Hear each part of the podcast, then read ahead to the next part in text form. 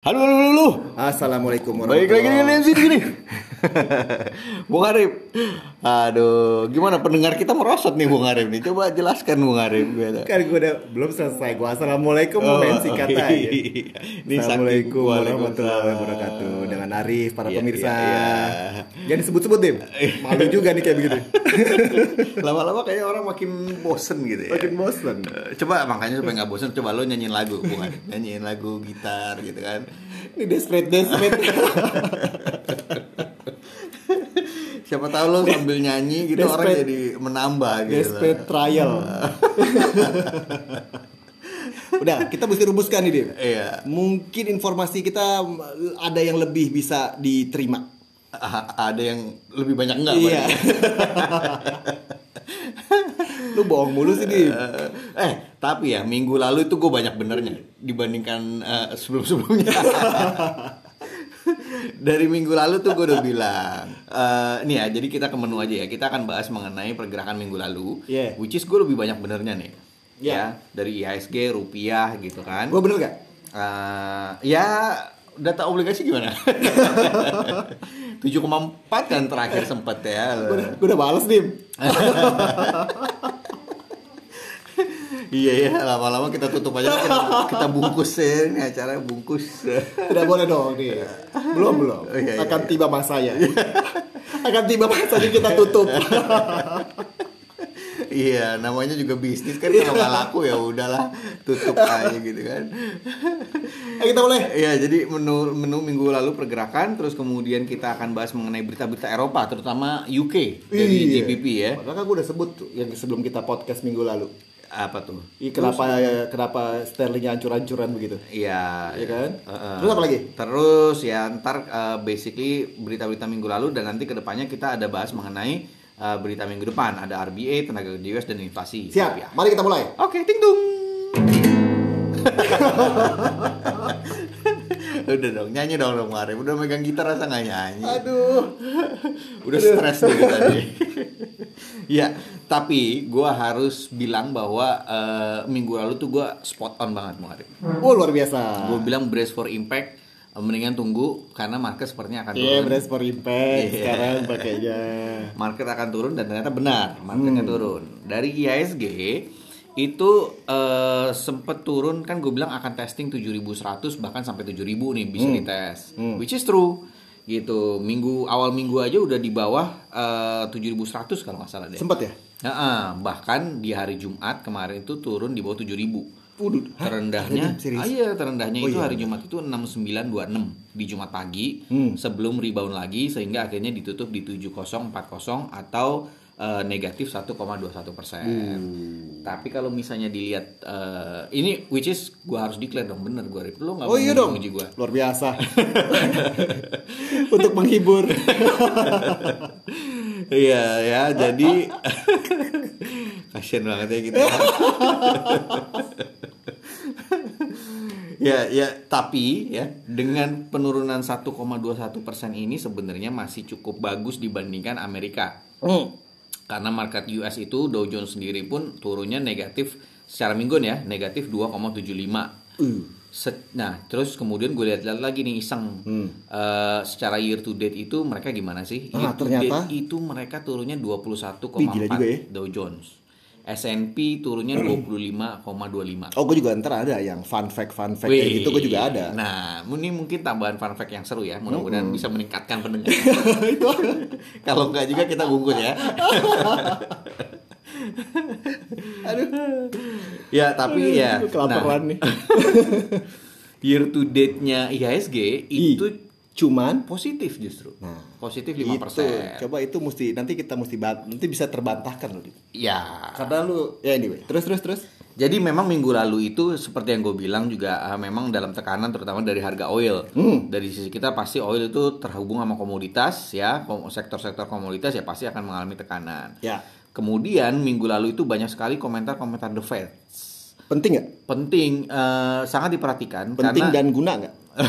Kok gue liat kayaknya nggak guna gitu. karena ujung-ujungnya segini, ini market akhirnya kayak setiap hari tuh dicekokin bahwa mereka akan uh, reiterate, mereka akan agresif, mereka akan combat inflation, no matter what, pokoknya Hmm. Ya. bla bla bla sama, Oh, iya, Pasti iya, sama. iya, iya. Jadi ujung-ujungnya market akhirnya ah udah deh, ya udahlah gitu Nurut loh. aja gitu ya. Ah, ah, ya udah deh akhirnya menelan dengan terpaksa dia menelan eh, apa komentar-komentar The Feds itu. Tadinya kan kayak masih ya Sa- mungkin sama kayak kita. Terima-terima. terima nasib ya.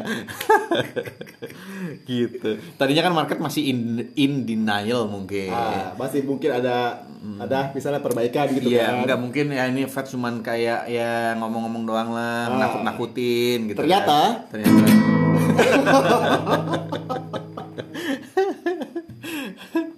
Udah mulai gila. aduh. Nah, terus habis itu? Ya, jadi ternyata Tapi market bergerak bukan gara-gara itu kan. Jadi intinya Mostly- market bergerak gara-gara inflasinya aja emang udah ngelejit legit. inflasinya kan memang dari data minggu sebelumnya kan. Hmm. Nah sekarang tuh kayaknya market semakin dicekokin, cekokin, cekokin bahwa ya udah emang emang eh, eh, eventually eh, bakal naiknya agresif. Iya. Betul. Intinya kayak gitu. Betul. Sampai si inflasinya 2% target. Ya betul. Jadi eh, ya itulah market semakin eh, turun. Eh, tapi ya sekali lagi harus dibilang bahwa IHSG ini masih cukup eh, support ya yang Hmm. Iya, eh, Bung Arif bilang local support. Ya, jadi jadi kalau local support memang, tapi kalau untuk di obligasi kagak dim. Yieldnya turun, yieldnya naik mulu nih. Iya iya iya. Nah ini juga gue bener juga Kalau cuma bilang marketnya gimana Gue juga bener Yieldnya naik Iya, bener. Tapi tembus Iya. Gue bilang 735 apa 7,4 7,4 7,4 ya Oh tembus dim 7,423 Iya. Penutupan. Gitu. Nah, ya jadi- jauh-jauh lah. Nah itu juga nggak terlepas dari si pemain asing dim Turun juga Turun melulu Ya. Tuh Hmm, Ah betul tuh betul. datang juga tuh yang gue tunggu Bubur ayam. Iya. Panggilan ntar lagi. Nah, akhir akhir Agustus tuh 759 triliun. Iya. Sekarang per tanggal 26 740, turun hampir 20 triliun. Iya. Jadi ini kagak ada lokal-lokalnya. Ini sih ditinggal aja udah. Iya, betul. Lokal juga udah, Udah. kayaknya udah Habis juga bensinnya. karena melihatnya sepertinya dari sisi eh, ini, eh, apa pemerintah juga sepertinya dia ikhlas dari sisi rupiah juga mereka sudah menembus 15.000 Hmm. ya yang tadinya agak-agak sulit ditembus 15.000 agak-agak berat ternyata Hmm. enteng kan dari minggu lalu gitu kan terus ternyata 15.100 gue bilang 15.100 kayaknya akan dites Hmm. ternyata gampang banget breaknya sampai bahkan 15.200 Ih, sempat 15 25 250-an deh kalau nggak ini salah. nggak ada ceritanya gara-gara sterling nggak ada di. Eh, ada berhubung karena intinya kan sebenarnya ini adalah penguatan dolar Ya, betul. ya karena tadi reiteration dari eh, Fed yang agresif otomatis ujung-ujungnya dolar menguat. Ya. Nah ini eh, kalau misalnya dilihat dolar indeks itu juga emang dalam satu bulan itu dia menguat 2,41 persen. Iya. Ini sejalan juga dengan rupiah yang kurang lebih lah ya, yang gue hitung manual sendiri, itu mereka juga eh, turunnya atau melemahnya sebesar 2 persenan juga gitu. Jadi ini sejalan rupiah dengan dolar indeks yang memang dolarnya menguat, rupiahnya ya jelas melemah gitu. Tapi kalau GBP emang ada cerita lagi. Hmm. Ini yang menarik ya. Nah, Jadi lu kemarin WA gue panjang lebar tuh. Gue sampai males bacanya. Apa jadi yang terjadi di sana? intinya kan GBP ini mengalami masa sulit sudah dari beberapa waktu lalu. Eh, dari ini- tahun lalu bahkan ya. Story-nya it begins dengan situasi Brexit Oh iya dulu. betul. Ingat nggak? Nah, tapi memang sampai sekarang orang kayaknya belum menghubungkan dengan situasi Brexit. Tapi kalau misalnya gue lihat sih memang Hmm. Berawal dari sana. berawal dari Brexit. Betul. Ketika COVID-nya eh, sudah mulai agak mereda, mereka kekurangan orang. Betul. Ya, ini Kekurangan supir truk. betul itu kan kita ngobrol waktu itu kan. Iya, betul. Jadi harga-harga udah mulai naik. Oh. barang-barang semakin langka. Oh. Ditambah dengan komoditas yang eh, naik. Susah. Betul. Ah. Ditambah lagi dengan perang Rusia dan Ukraine. Hmm. Ini dampaknya eh, sangat lumayan ya buat negara Jerman dan UK. Hmm. Karena mereka kan bergantung sama komoditas dari Rusia.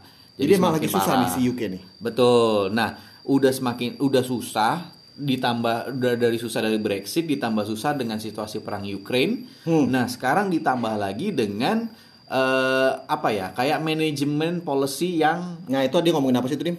iya yang Kemarin fiscal policy yang katanya. tidak dis- disukain sama Masyarakat. market. gitu. Jadi mereka mengeluarkan uh, mini budget. Jadi Ah, mini terkait- budget. Heeh. mini budgetnya intinya dia itu pemerintah PM yang baru, yang baru seumur Iya, jagung iya. ini. Oh gitu. Iya, iya betul. Ah, ini dia itu intinya dia mau menurunkan eh, tingkat pajak Oh. gitu di situasi seperti ini mereka menurunkan situasi pajak Padahal lagi butuh duit gitu misalnya. padahal lagi butuh duit pertama yang kedua inflasi lagi tinggi kalau misalnya inflasinya lagi tinggi eh, taxnya dikurangin Ya. otomatis spendingnya malah justru akan lebih besar dong kita punya duit lebih banyak untuk Oh, spending iya, iya, iya, ujungnya inflasi lebih meningkat Ya betul. Nah, itu yang agak mengkhawatirkan. Di satu sisi mereka agresif menaikkan suku bunga, tapi kenapa ini tiba-tiba malah pajaknya diturunin? Ini yang membuat market agak bingung. Tapi di gitu. sisi lain mereka juga membuat kebijakan untuk menstabilkan si eh bondsnya mereka. ya, Ya betul. kan? Ya semoga aja. Mungkin mereka targetnya adalah pertumbuhan. Karena kan kalau misalnya kita di podcast sebelumnya itu ada situasi di mana stagflasi. Hmm. Situasinya stagnan, tapi ada inflasi. Nah, itu memang rumit, ada dilema. Luar biasa. Ya. Luar biasa, luar biasa. Luar biasa, tapi Luar biasa. pendengar masih turun. Sama kayak Sterling.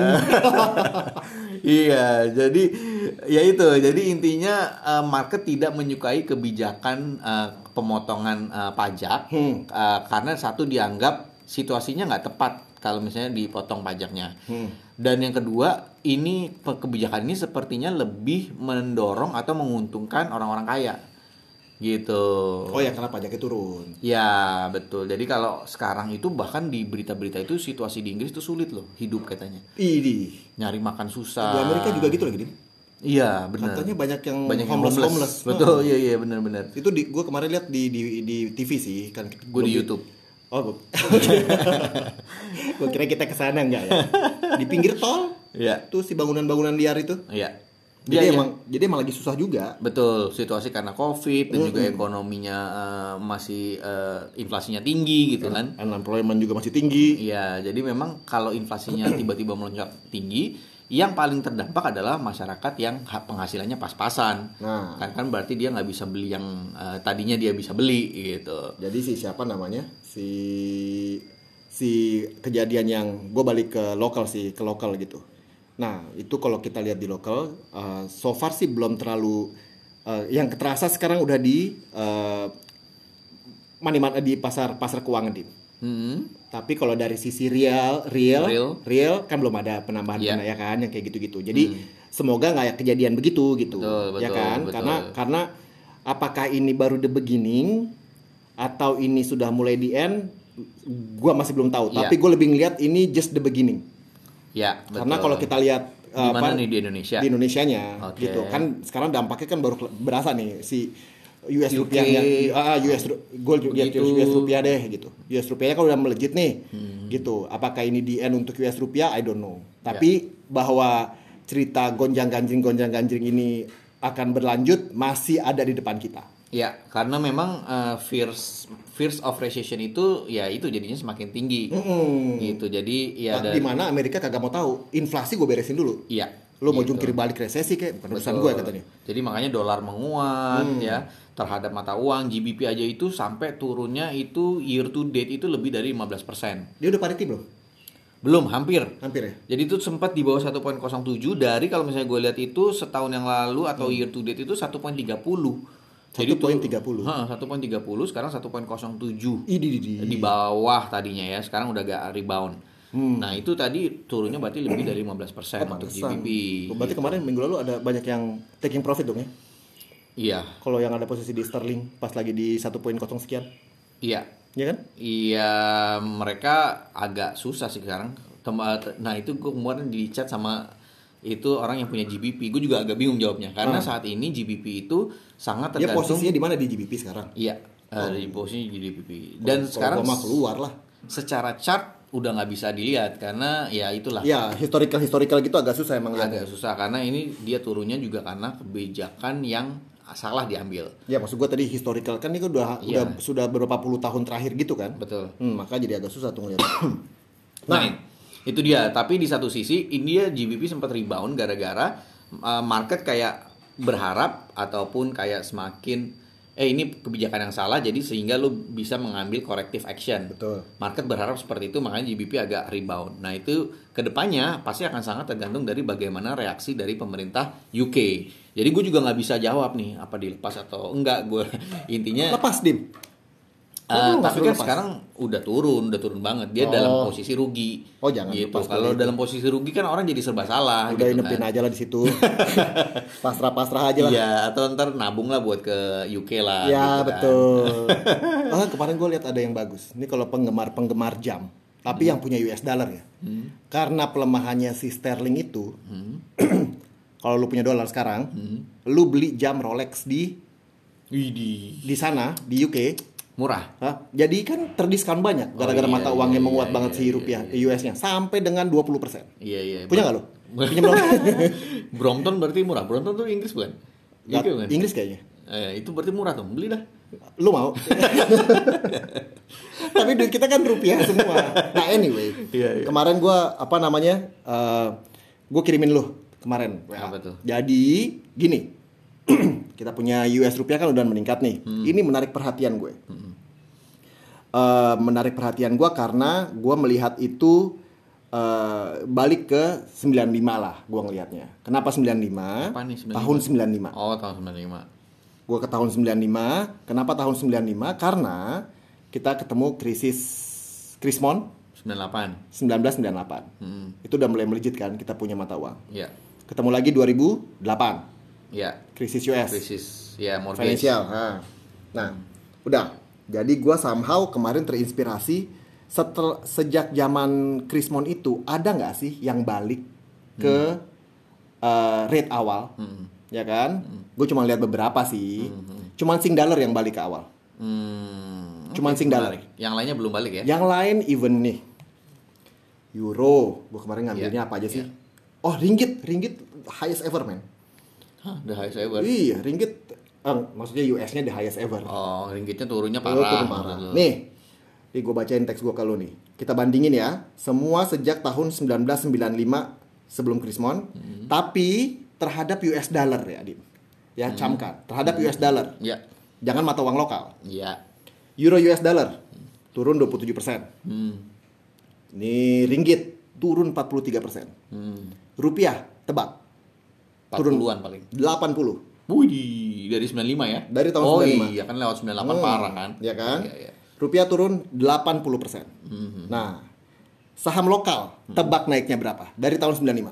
Naik. oh iya, iya naik ya. Naik terhadap US dollar ya. Maksud gua Ah. jangan lihat jangan mata uang lokal hitungnya, mata uang US dollar. 50? 129. Wih. Masih oke. Terus Ya, ya, tapi dari 95 loh 20 tahun. Iya, iya. Lu bandingin dia 20 tahun cuma berapa lu setahun misalnya? Ya. Properti di Indonesia. Oh, naik dah itu berapa Berapa coba? Berapa? 100% Dari juga tahun lah. 95. Betul, 100% kira-kira. 100%. Ya, nah, ya, ya.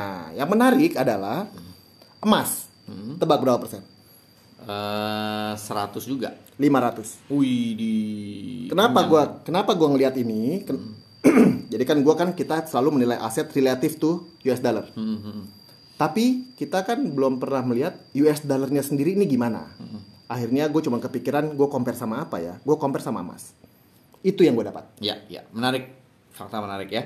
Jadi intinya memang situasi sekarang ini kayak seperti Bung Ari bilang, ini dalam situasi yang mungkin eh, ada bukan kri- kita nggak bisa bilang krisis ya, tapi kayak ada semacam eh, erupsi apa? Gangguan lah di pasar Gangguan ya, di seperti di tahun 98, tahun 2008. Nah, sekarang itu dari 2020 semenjak Covid sampai sekarang lah ya, ini masih mengalami market disruption lah istilahnya kayak gitu. Nah, ini FYI juga highest highest ya.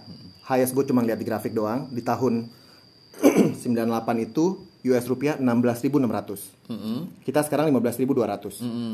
Di krisis 2008 2008 Mm-mm. 12.500. Oke, Itu yang terjadi. Ya. That's the fun fact. ya. Nah, eh, terus kemudian eh, sebelum kita ke minggu depan ya, itu ada berita satu menarik yang dari minggu kemarin itu adalah oil.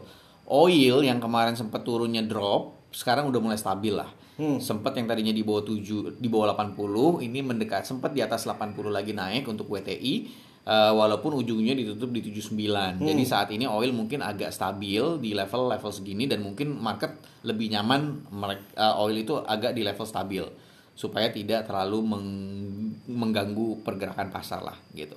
Nah, jadi eh, kita lanjut aja ke minggu depan Bung Arif. Ya. Eh, Eh, jadi dulu dong, jangan dulu dong. Apa lagi? Apa lagi? Annexation itu apa sih? Annexation. Eh, dicaplok ah, situasi Ukraine. di ya Ukraine dia Rusia. mencaplok empat empat state. Setelah melakukan referendum tanda kutip. Udah ya? Oh, referendum. kita bahas kan minggu Betul. lalu. Jadi akhirnya gitu. kejadian referendumnya maksudnya. Iya, betul. Nah, itu udah dua kalau nggak salah, sisanya dua lagi. Dia bilang katanya annex pencaplokan ini sifatnya kata si Pak Putin. Sifatnya adalah forever. Iya. Tapi kan itu klaim dia. Nah, itu. Jadi katanya yang di situ nggak suka nggak suka ya jadi masyarakatnya aja lah katanya gitu. Udah. itu menarik sih karena ini panjang eh, bisa panjang sih karena jangan lah dipendekin lah. Ntar ntar makin dikit, makin dikit ya denger ya. dipendekin lah. Gimana jadi ya? Enggak situasi perang ini eh, sebenarnya in favor of Y- eh, Ukraine sebenarnya. Oh. Eh, karena di satu sisi eh, sepertinya si Mas Putin ini semakin terpojok. Karena nggak ada duit. Dari satu sisi eh, kan partial mobilization, Hmm. eh, tapi banyak yang demo, banyak yang kabur dari Rusia. Oh. Terus kemudian Marah posisinya, bener. Dia nggak tahu kalau Om Putin marah. Kulu-kulu gitu bentuknya. nah terus kemudian posisinya dari sisi militer itu Ukraine itu sangat terbantu dengan persenjataan Amerika yang canggih. Dikasih beneran ya? ada satu eh, hi- namanya HIMARS atau apalah pokoknya itu Hmm. Rudal, kayak rudal. rudal yang ditaruh di belakang truk Ah. tapi presisinya itu sangat tinggi Ih, serem banget. sangat akurat melencengnya itu paling cuman setengah meter Bahaya bener ya? nah Kita kenal. jadi itu yang sangat mengganggu pergerakan Rusia karena dia itu roket kan jauh Hmm. jangkauannya jadi supply lines marker-marker yang di belakang itu Hmm. bisa dihajar Oh, karena- roket karena itu. presisi. presisi dan ya, lumayan jauh lah jangkauannya ya. jadi banyak kolonel-kolonel petinggi-petinggi militer Rusia yang meninggal, Hmm. persenjataannya dan lain-lainnya itu makanan dan lain-lainnya itu semakin eh, hancur gara-gara di rudal. Apakah berita ini efek ke market? Nggak juga. Saat ini belum, tapi yang ditakutkan kalau semakin terjepit ya kuncinya itu kan di. Iya, Nuclear. mudah-mudahan jangan sampai lah, gitu ya. Jadi apa yang kita terjadi minggu depan? Ya, eh, terlepas dari itu, kita lihat ke minggu depan. Sepertinya minggu depan itu ada RBA rate yang penting ya, eh, Australia Central Bank itu sepertinya Amerika nggak ada apa-apa? eh, Paling data-data yang biasa-biasa itu ya? Sepertinya RBA itu akan menaikkan suku bunga dan ini sejalan dengan global rate hike. Hmm. Terus kemudian ada data tenaga kerja dari US itu yang mungkin akan ditunggu di akhir minggu. Hmm. Tapi di tengah-tengah itu ada data data inflasi Oh rupiah iya, awal bulan ya. yang diperkirakan naik dari 4,69 ke 6 persen gara-gara kenaikan BBM. Cepet banget, Tim. Dari 4 sekian ke Iya, 6 persen. Betul, makanya gue agak kaget juga sih. Kok Nah, eh, ini baru- baru forecast, forecastnya se, se, se- ta- apa senaik itu. Nah, berarti kalau lu ngomong kayak begitu, gue masih ngelihat sekarang gue tetap ngelihat yieldnya sih masih akan naik. Gue masih akan ngelihat naik. Tujuh setengah lah ya. Tujuh setengah. Mm-mm. Ya bawahnya mungkin nggak jauh-jauh lah dari 7,3, 7,2 lah misalnya. Tapi kecenderungan gue ngelihatnya yieldnya akan naik. Ya. Nah, eh, kalau gue sih lebih lihat market juga lebih cenderung steady. Ya. Setelah eh, marketnya yang turun-turun-turun ini Hmm. dan terbukti IHSG cukup kuat sementara ya. Sepertinya dia akan ngetes level 7000 lagi, tapi sepertinya dia akan cukup kuat. Oh, 7000 kuat menurut tuh. Iya, dengan harapan bahwa inflasi Indonesia ini nggak setinggi 6% naiknya.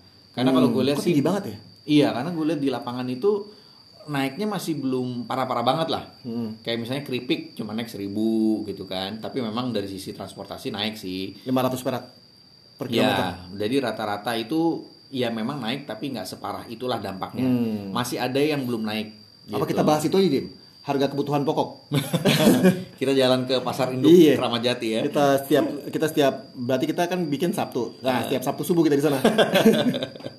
Ngecek. Iya, jadi itu ya dengan harapan bahwa inflasinya nggak separah itu, IHSG mungkin akan bertahan di atas 7000. Terus kemudian rupiah ya mungkin market eh, lagi bolak-balik testing di level 15.200, 15.250, tapi mungkin kurang lebih di situ lah.